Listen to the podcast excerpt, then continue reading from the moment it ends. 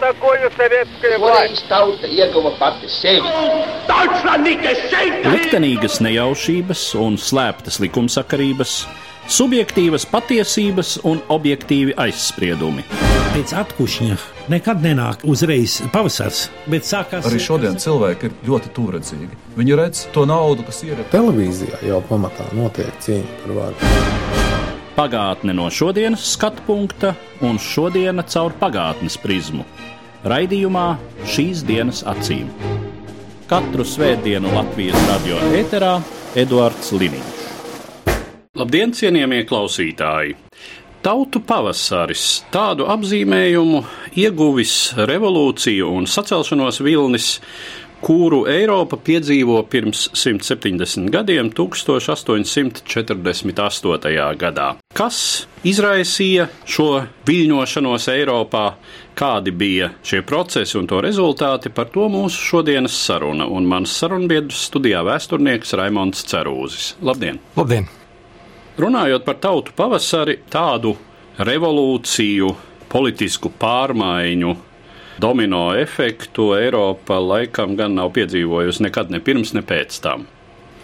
Tā laikam būs, jo, ja mēs paskatāmies nedaudz senākā pagātnē, pirms 19. gadsimta 40 gadiem, tad uh, vienīgo tādu līdzīgo, varbūt piemēru mēs varam atrast uh, Franču revolūcijā, bet tomēr Franču revolūcija bija tāds lokāla rakstura notikums, kas galvenokārt uh, Frančus skāra. Kaut gan, protams, arī šim 1789. gada notikumam bija tālajošs seks. Tāda veida notikumi kā mēs varam novērot 1848. un 49. gadā, tādi notika Eiropā pirmo reizi vēsturē. Mēs jau nevelti piesaucam šeit Lielo Franču revolūciju, jo lielā mērā jau tas, kas notiek Eiropā 19. gadsimta vidū, ir rezultāts tam, kāda Eiropa ir kļuvusi pēc Napoleona kariem, pēc tam, kad šīs Franču revolūcijas rezultātā Francija iegūsi nebijušu vēsturisku dinamiku, tad maina uz laiku visu Eiropas kontinenta ainavu, un Napoleons, šis revolūcijas varas virsotnē uznestais imperators, pārsteigā ar savām armijām teju visu Eiropu. Un tātad pēc Napoleona kariem Līdz ar Vīnas kongresu. Tātad 1815. gads Vīnas kongress sanāk un ir arī zināmā mērā tāda revolucionāra pārvērtība. Iepriekš šāda rakstura pasākums, kas iesaista tik daudz Eiropas valstis un kas piesaista arī, varētu teikt, pasaules uzmanību, nav novērojams. Pēc Franču revolūcijas, kas bija apgaismības ideju izraisīt, un arī pēc Napoleona valdīšanas un trakošanas Eiropā, ja mēs tā varam teikt, nāca laikmets, kad atgriezās vecā kārtība. Tā arī to dēvēja to laiku par restaurāciju, un, protams, plašām sabiedrības masām Eiropā, Eiropas centrālajā daļā, Rietumē Eiropā, tā bija zinām vilšanās, jo 18. gadsimta apgaismības idejas līdz ar to tika nobremzētas.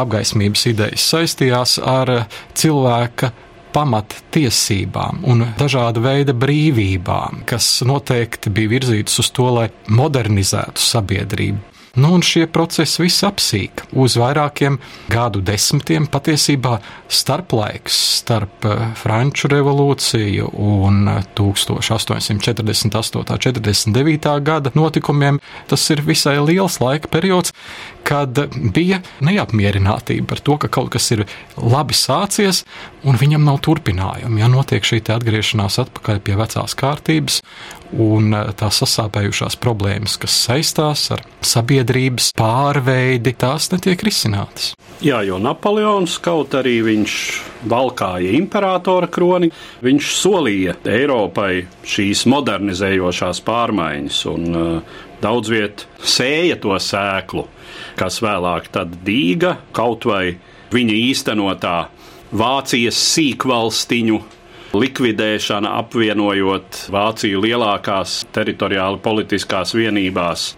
Kas ir tās galvenās problēmas, ja mēs tā skatāmies uz 1848. gadu, kas izraisa šos revolucionāros notikumus? Pirmā problēma, kas varētu teikt, ir nosacīta jauna, vai arī aktualizējusies krietni vairāk nekā viņa bija 18. gadsimta izskaņā, apgaismības laikmetā, tā bija nāciju ideja. Respektīvi, Eiropas tautas bija nobriedušas tik tālu, lai apzinātos sevi kā nāciju, kā tautu, kurai ir nepieciešama savu valsts. Tātad nacionālisms tas ir primāri noteikti ārkārtīgi svarīgs faktors 1848. gada revolūcijā. Otrs noteikti svarīgs faktors, kas veicina šo revolucionāro kustību, ir politiskās brīvības. Nepieciešamība vairot politiskās brīvības, kas ir ārkārtīgi ierobežotas, tātad kopš Vīnas kongresa bija mēģinājumi atgriezties pie absolūtas monarhijas, kas politiskās brīvības ierobežo. Tātad politiskā brīvība, kas vienlaicīgi ir arī kā vairāk demokrātijas, papildus kādas iespējas jauniem sabiedrības slāņiem. Un trešais droši vien faktors, kas veicināja šo revolucionāro kustību, bija nepieciešamība pārveidot pašu sabiedrību. Sabiedrība bija mainījusies, un šī vecā feudālā sistēma, kas sastāvēja no divām valdošām kārtām, no aristokrātijas pirmām kārtām un no baznīcas aprindām, tātad šī vecā feudālā kārtība bija savu laiku nokalpojusi un eh, sev bija pieteikušas jaunas kārtas, vai kā toreiz jau sāk runāt sabiedrības slāņi vai šķiras. Tad pilsonība, kurai bija jāieņem svarīga loma, sabiedrībā, un arī, protams, tāda jauna šķira kā strādniecība. Un eh, kaut kādā ziņā arī, protams, zemnieki bija tie, kas sāka Rietumē Eiropā un Centrālā Eiropā pieprasīt savu teikšanu politiskajā procesā. Jā, jo 19. gadsimta vidū tādas vispārējas vēlēšanu tiesības, vispārēja pilsoniskā pārstāvniecība Eiropā tikpat kā nekur neeksistēja. Man nav atmiņā, kā nu tur bija ar Šveici, piemēram, tobrīd, bet vai tā ir Prūsija, vai Austrija, vai Francija. Pat ja tur pastāv zināmi parlamentārisma iedīgļi, tad tur pastāv arī visnotaļ strikti cenzi, kas liedz vairumam pilsoņu sociālā statusa dēļ piedalīties valsts pārvaldes procesā tā, kā mēs to esam raduši un uh, uzskatām par pašsaprotamu šobrīd. Jā, tas tā bija. Varētu teikt, ka politiskajā procesā iesaistījās sabiedrības mazākums. Bieži vien šis mazākums veidoja, teiksim, labākajā gadījumā kādus 10-15% no sabiedrības, kas spēja šo mantisku cenzu sasniegt. 19. gadsimta pirmā puse nes kaut kādas pozitīvas pārvērtības noteikti šajā ziņā. Jūs pieminējat Šveices piemēru, tas ir ārkārtīgi būtisks varētu teikt, Šveice ir zinām tāda prelūdija šai revolūcijai. Šveice izveidojās mūsdienīgā formā no valstu savienības, kas ir diezgan vaļīga savā uzbūvē, par valsti, kas ir vienota ar konfederatīvām saitēm. Ja mēs palūkojamies uz tā laika Eiropas politisko karti, salīdzinot ar to, ko mēs redzam šodien, Rietuma Eiropa, Pireneja pussala, Francija, Ziemeļa Eiropa lielā mērā izskatās apmēram tāpat, kā tās izskatās arī šobrīd. Savukārt, ja mēs skatāmies uz Eiropas centrālo un austrumu daļu, tad šī aina ir krietni citāda. Ja mēs e, iezīmējam situāciju tajā ģeopolitiskajā telpā, ko mēs dēvējam par centrālu Eiropu, tās ir Vācu, Itāļu zemes un e, toreiz vēl Austrijas impērija. Jā, šai ziņā, protams, Eiropas austrumu daļa un centrālā daļa ir ļoti atšķirīga, bet sāka veidoties tādas modernas iezīmes. Varētu teikt, tāda prelūdija ir um, Grieķijas gadījums. Grieķija 1831. gada laikā iegūst valstisku neatkarību no Osmaņu impērijas. Protams, tas, kas ir novērojams Eiropas centrālajā un austrumu daļā, lielākoties ir saistīts ar to iespējams, ka šajā Eiropas nostūrī saimnieciskā, politiskā attīstība nebija tik strauja, nebija tik aktīva bijusi kā, teiksim, Rietum Eiropas daļā. Ja mēs kaut vai salīdzinām Habsburgu impēriju, kāda viņa pastāvēja, vai Krievijas impēriju, tad eh, viņā nebija vērojams tieši tās pašas tendences, kādas bija jau 18. gadsimtā vai 19. gadsimta sākumā piedzīvojusi Francija. Bieži ir tāds uzskats, ka lūk, šī 1848. gada un 49. gada revolūcija skar tikai visai norobežotu tādu geogrāfisku telpu. Pirmkārt, Francija, kas jau ir vēsturiski bijusi visai revolucionāra, tad eh, Vācu zemes, kas ietilpst tā dēvētajā Vācu Savienībā, kas izveidojās pēc 1815. gada Vīnas kongresa, un tad vēl atsevišķas citas teritorijas, kā piemēram Itālija, kas arī ir sadrumstalota līdzīgi kā Vācu zemes. Tad arī tur ir zinām tāda neapmierinātība ar to, ka tauta, kas runā vienā valodā, pastāv, bet nav šai tautai atsevišķa valsts. Ja, šai ziņā varbūt pat Itālija ir zināms piemērs visai Eiropai. Itālijā ir uzņēmusi apgriezienus atmodas kustība ko itāļi paši dēvē par risorģimento, ja atjaunotne vai atmoda, un uz šo atmodas procesu raugavas, varētu teikt, viena liela daļa centrālās un austrum Eiropas. Šī procesa viens no redzamiem līderiem ir Giuseppe Mazzini, ļoti redzams sabiedrisks un politisks darbinieks, un vadoties pēc šī itāļu piemēra, tad, tad Itāļi grib radīt šo jauno Itāliju un jauno Itāli. Līdzīgā veidā arī vācieši, līdzīgā veidā arī vēlāk Ungāri, čehi, poļi un uh, gadsimta otrā pusē arī latvieši gribēs radīt šo jauno latvieti vai jaunatviešu kustību, kas risinās nacionāla rakstura problēmas. Un ja mēs raugāmies uz Vāciju un Itāliju, tad tepat jāsaka, Daudz viet arī pašas varas elites apzinās lielā mērā to pārmaiņu nepieciešamību, un tā pašā Itālijā sākotnēji šķiet, ka gan šie sīkvalstiņu kronētie valdnieki, tā skaitā Romas pāvests, kuram tobrīd arī ir sava tiem laikiem Itālijai diezgan ievērojama laicīga valsts teritorija, tā tad arī ir gatavi zināmai kopdarbībai, kas ir uh, Itālijas gadījumā pretdarbība Austrijas ietekmei Itālijas ziemeļos. Droši vien tas, ko mēs vispār varam vērot šajā 1848. un 49. gada Eiropas satricinājuma procesā, ir arī tas, kas lielā mērā izskaidro uh, šī procesa plašumu un tādu straujumu arī laika ziņā, ka uz pārmaiņām ir gatavi te jau visi no zināmiem izņēmumiem, protams. Jā, tās vēsmas revolucionārās tiešām varbūt ir vērojamas daudz vietā Eiropā, bet no šīs revolucionārās kustības tiek izslēgta Krievijas impērija. Tur tādā formā, kā Rietumē Eiropā un Centrālā Eiropā revolucionārā kustība neattīstījās, un līdzīgā veidā šī revolucionārā kustība nepārņem Lielbritāniju, Britu salas un nepārņem arī Osmaņu impēriju. Bet te ir viena atruna. Ja mēs skatāmies uz šiem revolucionāriem cēloņiem, kurus es jau nosaucu, virzību uz nacionālu valsti, demokratizācijas tendenci vai nepieciešamību pārveidot sabiedrību, tad kādas citas norises, kas satrauc sabiedrību, tomēr ir novērojamas gan Krievijas impērijā, gan Britu salās. Piemēram, Īrijā 40. gados vairākus gadus ir novērojama liela neraža. Kā starp citu arī šur tur citur Eiropā. Šur tur citur Eiropā.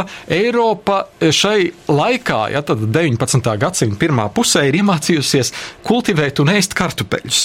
Un kartupeļi ir kļuvuši par ļoti būtisku ikdienas maltīšu sastāvdaļu. Un Eiropā sāk plosīties arī lūk, Britu salās kartupeļu puve, kas vairākus gadus pēc kārtas nes neražas un rada ļoti tādu saspringtu situāciju pārtikas jomā, nodrošinājumā, it īpaši lauksaimnieciskos reģionos. Ja? Un šai ziņā mēs varam teikt, ka Britu salas, it īpaši īrija, ir zināmā mērā arī uz tāda revolucionāra sliekšņa, bet Britiem kaut kā izdodas šo situāciju saglabāt. Grūti pateikt, vai te ir tikai un vienīgi spēja Britu valdībai uz kaut kādu pretīm nākšanu, ja, un mēģinājumu reformēt sabiedrību, vai te ir arī kaut kāds mentalitātes iezīmes, kas ir atšķirīgs no pārējās kontinentālās Eiropas. Jebkurā gadījumā dumpji un revolūcija tur nav tādā apjomā novērojama. Ja mēs skatāmies varbūt uz īru nacionālo kustību, tad viņi arī neuzņem tādus apgriezienus, kā mēs varam novērot kaut vai Austrijas teritorijā, Habsburgu monarhijā, kur tiešām sākās tāda vispārēja neapmierinātība daudzām tautām. Savukārt, ja mēs runājam par Krievijas impēriju, tad Krievijas impērijā tiešām nevar novērot identiskus procesus tam, kas, piemēram, ir Vācijā, kas viss ir tādā revolucionārā kustībā, bet kaut kas līdzīgs tomēr ir. Un tas līdzīgais notiek tepat vidzemē, jaunbebros, kartupeļdumpis. Tas nav gan saistīts ar to, ko mēs varam novērot Rietumē, Eiropā. Lūk, šie neražas gadi, bet eh, arī tātad saistīts ar kartupeļiem kā ļoti būtisku pārtiks produktu, kad eh, vietējā zemniecībā rodas neapmierinātība ar apstākļiem, kādos laukos ir jādzīvo. Un eh, Baltijā lūk šī neapmierinātība lielākoties izpaužas zemniecības neapmierinātībā, ko izraisīja dzimdošanas atcelšana no vienas puses ļoti progresīvs notikums, kas padarīja cilvēkus brīvus, latviešu zemnieks, bet no otras puses atņēma viņiem viņu dzimtas mājas un zemi. Un lūk, 1848. un 49. gads vidzemē ir iezīmīgs ar to, ka notiek varētu teikt, tāda plaša diskusija par agrāro situāciju, vai gadījumā nav pienācis tas brīdis, kad jādod zemniekiem iespēja šo zemi iepirkt dzimtas īpašumā. Un tas arī notiek. Tātad agrārā reforma, kuras rezultātā tiek dota iespēja latviešu zemniekam kopš 1849. gada iegādāties īpašumā zemi. Tātad, zināmā mērā, mēs varam teikt, ka ir arī kaut kādi procesi, Baltijā, kas chronoloģiski vismaz saskana ar to, kas notiek Rietumē Eiropā un Centrālā Eiropā, kaut gan viņu raksturs ir savādāks. Noteikti šajā brīdī vēl latviešu sabiedriska politiskā doma nav tik tālu nobriedusi, lai izvirzītu kādus nacionāla rakstura prasības. Tas nāks tikai krietni, krietni vēlāk. Un runājot par Krievijas impēriju, droši vien mums ir jāsecina, ka šajā valstī līdzīgām revolucionārām izpausmēm, kādas tās ir Eiropā, mēs varētu teikt, trūkst degvielas. Sabiedrības struktūra ir tāda, ir ļoti maz pilsētu strādniecības, ir ļoti maz pilsonības, tādā eiropeiskā izpratnē tās vides, kurā nobriest pamatā šīs liberālisma pilsonisko brīvību, arī tāda moderna nacionālisma idejas. Te jau mēs varam runāt par visu to, kas saistās ar Krieviju vēlāk, 20. gadsimta pirmajās desmitgadēs kad šī valsts, nebūdama spējīga uz tādām normālām Eiropas revolūcijām, piedzīvo tos šausmīgos satricinājumus, kas ir bolševiku apvērsums, Krievijas pilsoņu karš un viss, kas nāk pēc tam. Jā, te varētu piekrist, bet eh, vēl runājot par 48. un 49. gadu notikumiem, jāatcerās arī tas, ka Krievijas impērija bija tāds ļoti reakcionārs spēks, kas iesaistījās lūk šo Eiropas revolūciju apspiešanā. Palīdzēja apspiest Habsburgiem dumpjus. Šajā laikā radās šis nosaukums Krievijai - Eiropas žandarms. Runa ir konkrētāk par Ungāru sacelšanos, jā. kas ir ārkārtīgi jaudīga. Kašuta vadīto, jā, kas arī ir eh, viena no spilgtām revolucionārām izpausmēm tieši Habsburgu monarhijas ietvaros. Un Krievija īsteno intervenci. Krievu karaspēks iemaršē Ungārijas teritorijās un visnotaļ būtiski palīdz austriešiem apspiest šo Ungāru sacelšanos, kas mēģina šajā brīdī atjaunot uh, Ungārijas valsti. Kas zināmā mērā notiek pēc tam Austrijai pārtopot par Austro-Ungāriju un austriešiem šajā joprojām vienotajā monarhijā atzīstot Ungārus par līdzvērtīgu valstisku nāciju. Tur būs vajadzīgs vēl nedaudz laiks, 1866. gads, kad uh, izveidojās šī duālā monarhija. 1848. gadā šī revolucionārā uzplūda laikā Prāgā sanāk pirmais Panslāvu kongress. Slāvi no Habsburgu monarhijas teritorijas sanāk kopā, lai spriestu, kāda ir viņu nākotne. Te ir eh, visdažādākie viedokļi un neizdodas panākt eh, vienojošu uzskatu. Vēlāk, pēc 1866. gada, jau kad izveidojās šī duālā monarhija, Austro-Ungārija tad eh, gan iezīmējās spilgtāk šī tendence, ko kurš grib. Čehi grib eh, zinām pašnoteikšanos Bohēmijā un Morāvijā, poļi grib beidzot apvienotu savu valsts teritoriju, nevis sašķeltu, kāda tā ir. Krievijas impērija šai brīdī sāk krietni spēcīgāk atbalstīt slāvu nacionālās identitātes stiprināšanas un kaut kādu arī pašnoteikšanās politiku. Tā kā Krievija ar vien būtiskāku lomu sāk spēlēt Eiropas centrālajā daļā un uh, izsauc pretreakciju no Rietumē Eiropas puses.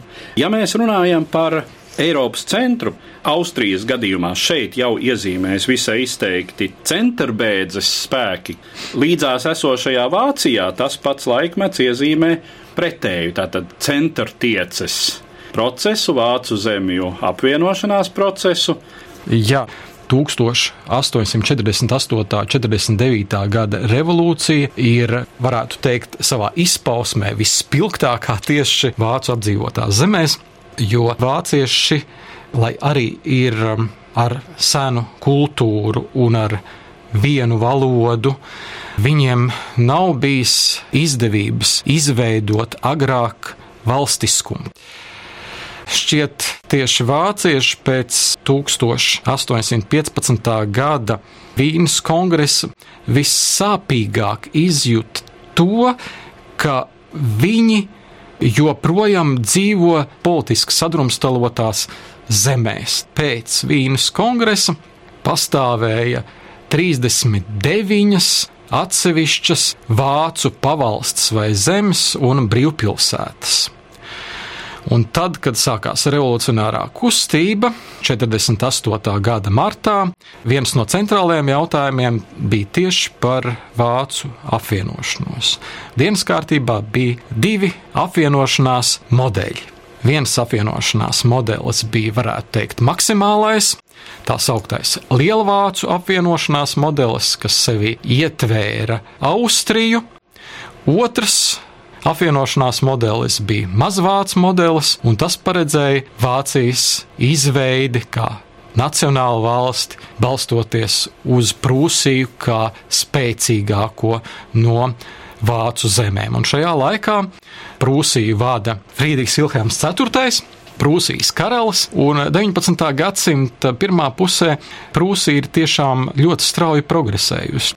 Kļūsi, varētu teikt, par vienu no progresīvākajām, ja ne pašu progresīvāko Eiropas valsti. Tas attiecas gan uz saimniecību, gan uz izglītību, uz zinātni, uz militāro sfēru, un Prūsija apzinājās noteikti to, ka viņa spēja kaut kādā ziņā veicināt šo apvienošanās procesu. Frankfurtē Paula baznīcā sanāk pirmais demokrātiski ievēlētais vācu parlaments. Aptuveni 800 ir šo deputātu, tādu, kas aktīvi vienlaicīgi darbojās ar kādu 500 un tiek spriests par to, kāda varētu izskatīties šī nākotnes Vācija. Pirmais uzdevums, varētu teikt, bija izšķirties par to, vai Vācija būs republikāniska vai tomēr viņa būs monarhistiska valsts. Šajā laikā Eiropā ir šīs republikāniskās idejas arī, bet laika gaitā svaru kauss noslēdzas par labu monarhistiskai valsts iekārtai. Tiek izstrādāta konstitūcija visai līdzīgs savos pamatos tam, ko mēs vēlāk novērosim Vācijas impērijas gadījumā. Un, lai cik tas nebūtu paradoxāli, tā konstitūcija savā būtībā ir diezgan līdzīga arī mūsdienu Vācijas Federatīvās Republikas pamatlikumam, starp citu arī karogu. Mūsdienu Vācija ir pārņēmusi tad, šis karogs, kurā ir sarkana, kurā ir melna un zelta krāsa. Konstitūcija paredz varas dalīšanu un paredz ļoti lielu lomu valstī parlamentam, kas sastāv no divām palātām tautas pārstāvju palāta un palāta, kurā ir pārstāvētas šīs atsevišķas federālās zemes. Nu, un, protams, arī izpildvara un valsts galva, kas šīs konstitūcijas gadījumā bija ķeizars. Austrija gribēja redzēt šajā apvienotajā Vācijā arī Habsburgiem piedarošās ne vācu zemes, Ungāru zemes, slāvu, rumāņu, kas lielākajai daļai delegātu nebija pieņemams, jo tādējādi šī jaunā Vācija nekļūtu par nacionālu valsti, bet eh, veidotos kā multinacionāla valsts kļūst skaidrs, ka šis liela vācu modelis Vācijas apvienošanā nespēs realizēties, un priekšparlamenta vai nacionālās sapulces delegāti nosliecās uz mazvācu idejas realizēšanu un aicināja Prūsijas karali Friedrichu Vilhelmu IV, lai viņš kļūtu par šīs apvienotās Vācijas jauno ķeizaru, bet eh, tajā laikā, tad jau 1849. gadā, bija iezīmējusies tendence, ka šī revolucionārā kustība pakāpeniski tika slāpēta, apspiesta, un Friedrichs Vilhelms IV atteicās no šī kroņa, negribot pieņemt revolucionāru, izvirzītu valstisku modeli kā tādu, aiz kura viņš stāvētu. Un tādējādi Vācu apvienošanās pasākums izjuka. Reizēm runājot par 48. un 49. gada revolūciju, varam sastapties teiksim, vēstures literatūrā ar tādu viedokli, ka revolūcija ir sakauta un nav sasniegusi savus rezultātus. Tas arī nebūtu īsti pareizs formulējums, jo patiesībā šī revolūcija iekustināja daudzus politiskus un saimnieciskus procesus, arī kultūrālus procesus. No vienas puses mēs varam teikt, tiešām lūk, šī Vācijas apvienošanās ideja savā tālāk virzībā tika noslāpēta, bet eh, nepagāja nemaz tik daudz gadi, kad eh, mēs varam redzēt, Prūsija tomēr šo Vācijas apvienošanās ideju mēģina virzīt uz priekšu tādiem visai oriģināliem, varbūt militārpolitiskiem pasākumiem, izkarojot kāru gan ar Dāniju, gan ar Austriju un beig beigās arī ar Franciju. Pēc šī kara 1870. un 71. gadā pavērās šī iespēja Vācijas apvienošanai. Nu, tāpat arī mēs varam redzēt citās jomās. Tomēr eh, monarhi Eiropā saprata, ka šī revolucionārā kustība ir kā tāds skaļš zvans, kas ir iezvanījis laikmeta pārvērtības, jaunu laikmeta sākumu un nepieciešams kādas būtiskas pārmaiņas. Ir nepieciešama šī demokratizēšanās, ir nepieciešams iesaistīt politiskajā procesā jaunos sabiedrības slāņus, ņemt vērā pilsonības aprindas, jo tās ir ļoti ietekmīgs, viņu rokās atrodas šī finanšu un rūpnieciskā vara. Nepieciešams kaut kādā ziņā ņemt vērā arī strādniecību. Starp citu, 48. un 49. gada revolūcija iezīmē arī komunistiskās kustības sākumu. Kārlis Marks, Friedrichs Engels savus darbus fundamentālos, komunistiskās partijas manifests un kapitāls rada tieši 48. un 49. gada revolūcijas iespējā. Protams, šīs komunistiskās idejas tobrīd eh, ir visai tādas marģinālas, bet eh, kaut vai, ja mēs ņemam par piemēru Nacionālo sapulci Frankfurtē, arī tur marksistiem ir zināma ietekme. Starp citu, interesanti paskatīties, kā veidojās šī politiskā vide Vācijā. Nacionālās sapulces laikā patiesībā ir pirmsākumi tādai modernai politisko partiju darbībai, kur ir gan labēji konservatīvā nometne, ir centristi un ir kreisie. Un kreisajiem tātad ir pieskaitām tie, kas simpatizē sabiedrības zemākiem slāņiem, strādniecībai. 19. gadsimts šai ziņā ir ārkārtīgi pamācošs. Viss tas, kas notiek 19. gadsimtā un kas notiek 48. un 49. gada revolūcijā, patiesībā ir kā tāda bāze turpmākai, modernai Eiropai un pasaulē, politiskai sistēmai, ekonomiskai, kultūrālai, zinātniskai sistēmai, ko mēs baudām mūsdienās.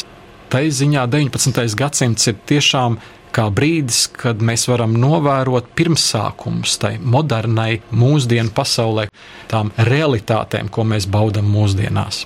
Eiropa, kas ir sakārtota, kur valda konstitūcija, kurā ir noteiktas gan pilsoņu tiesības, pamatiesības, brīvības, pienākumi, un kur ir arī paredzēta attiecīgi valsts varas funkcija. Tad tiek paredzēts, ko valsts dara, kur viņa iejaucās, ko viņa nodrošina, kāda ir valsts un pilsoņu savstarpējie pienākumi.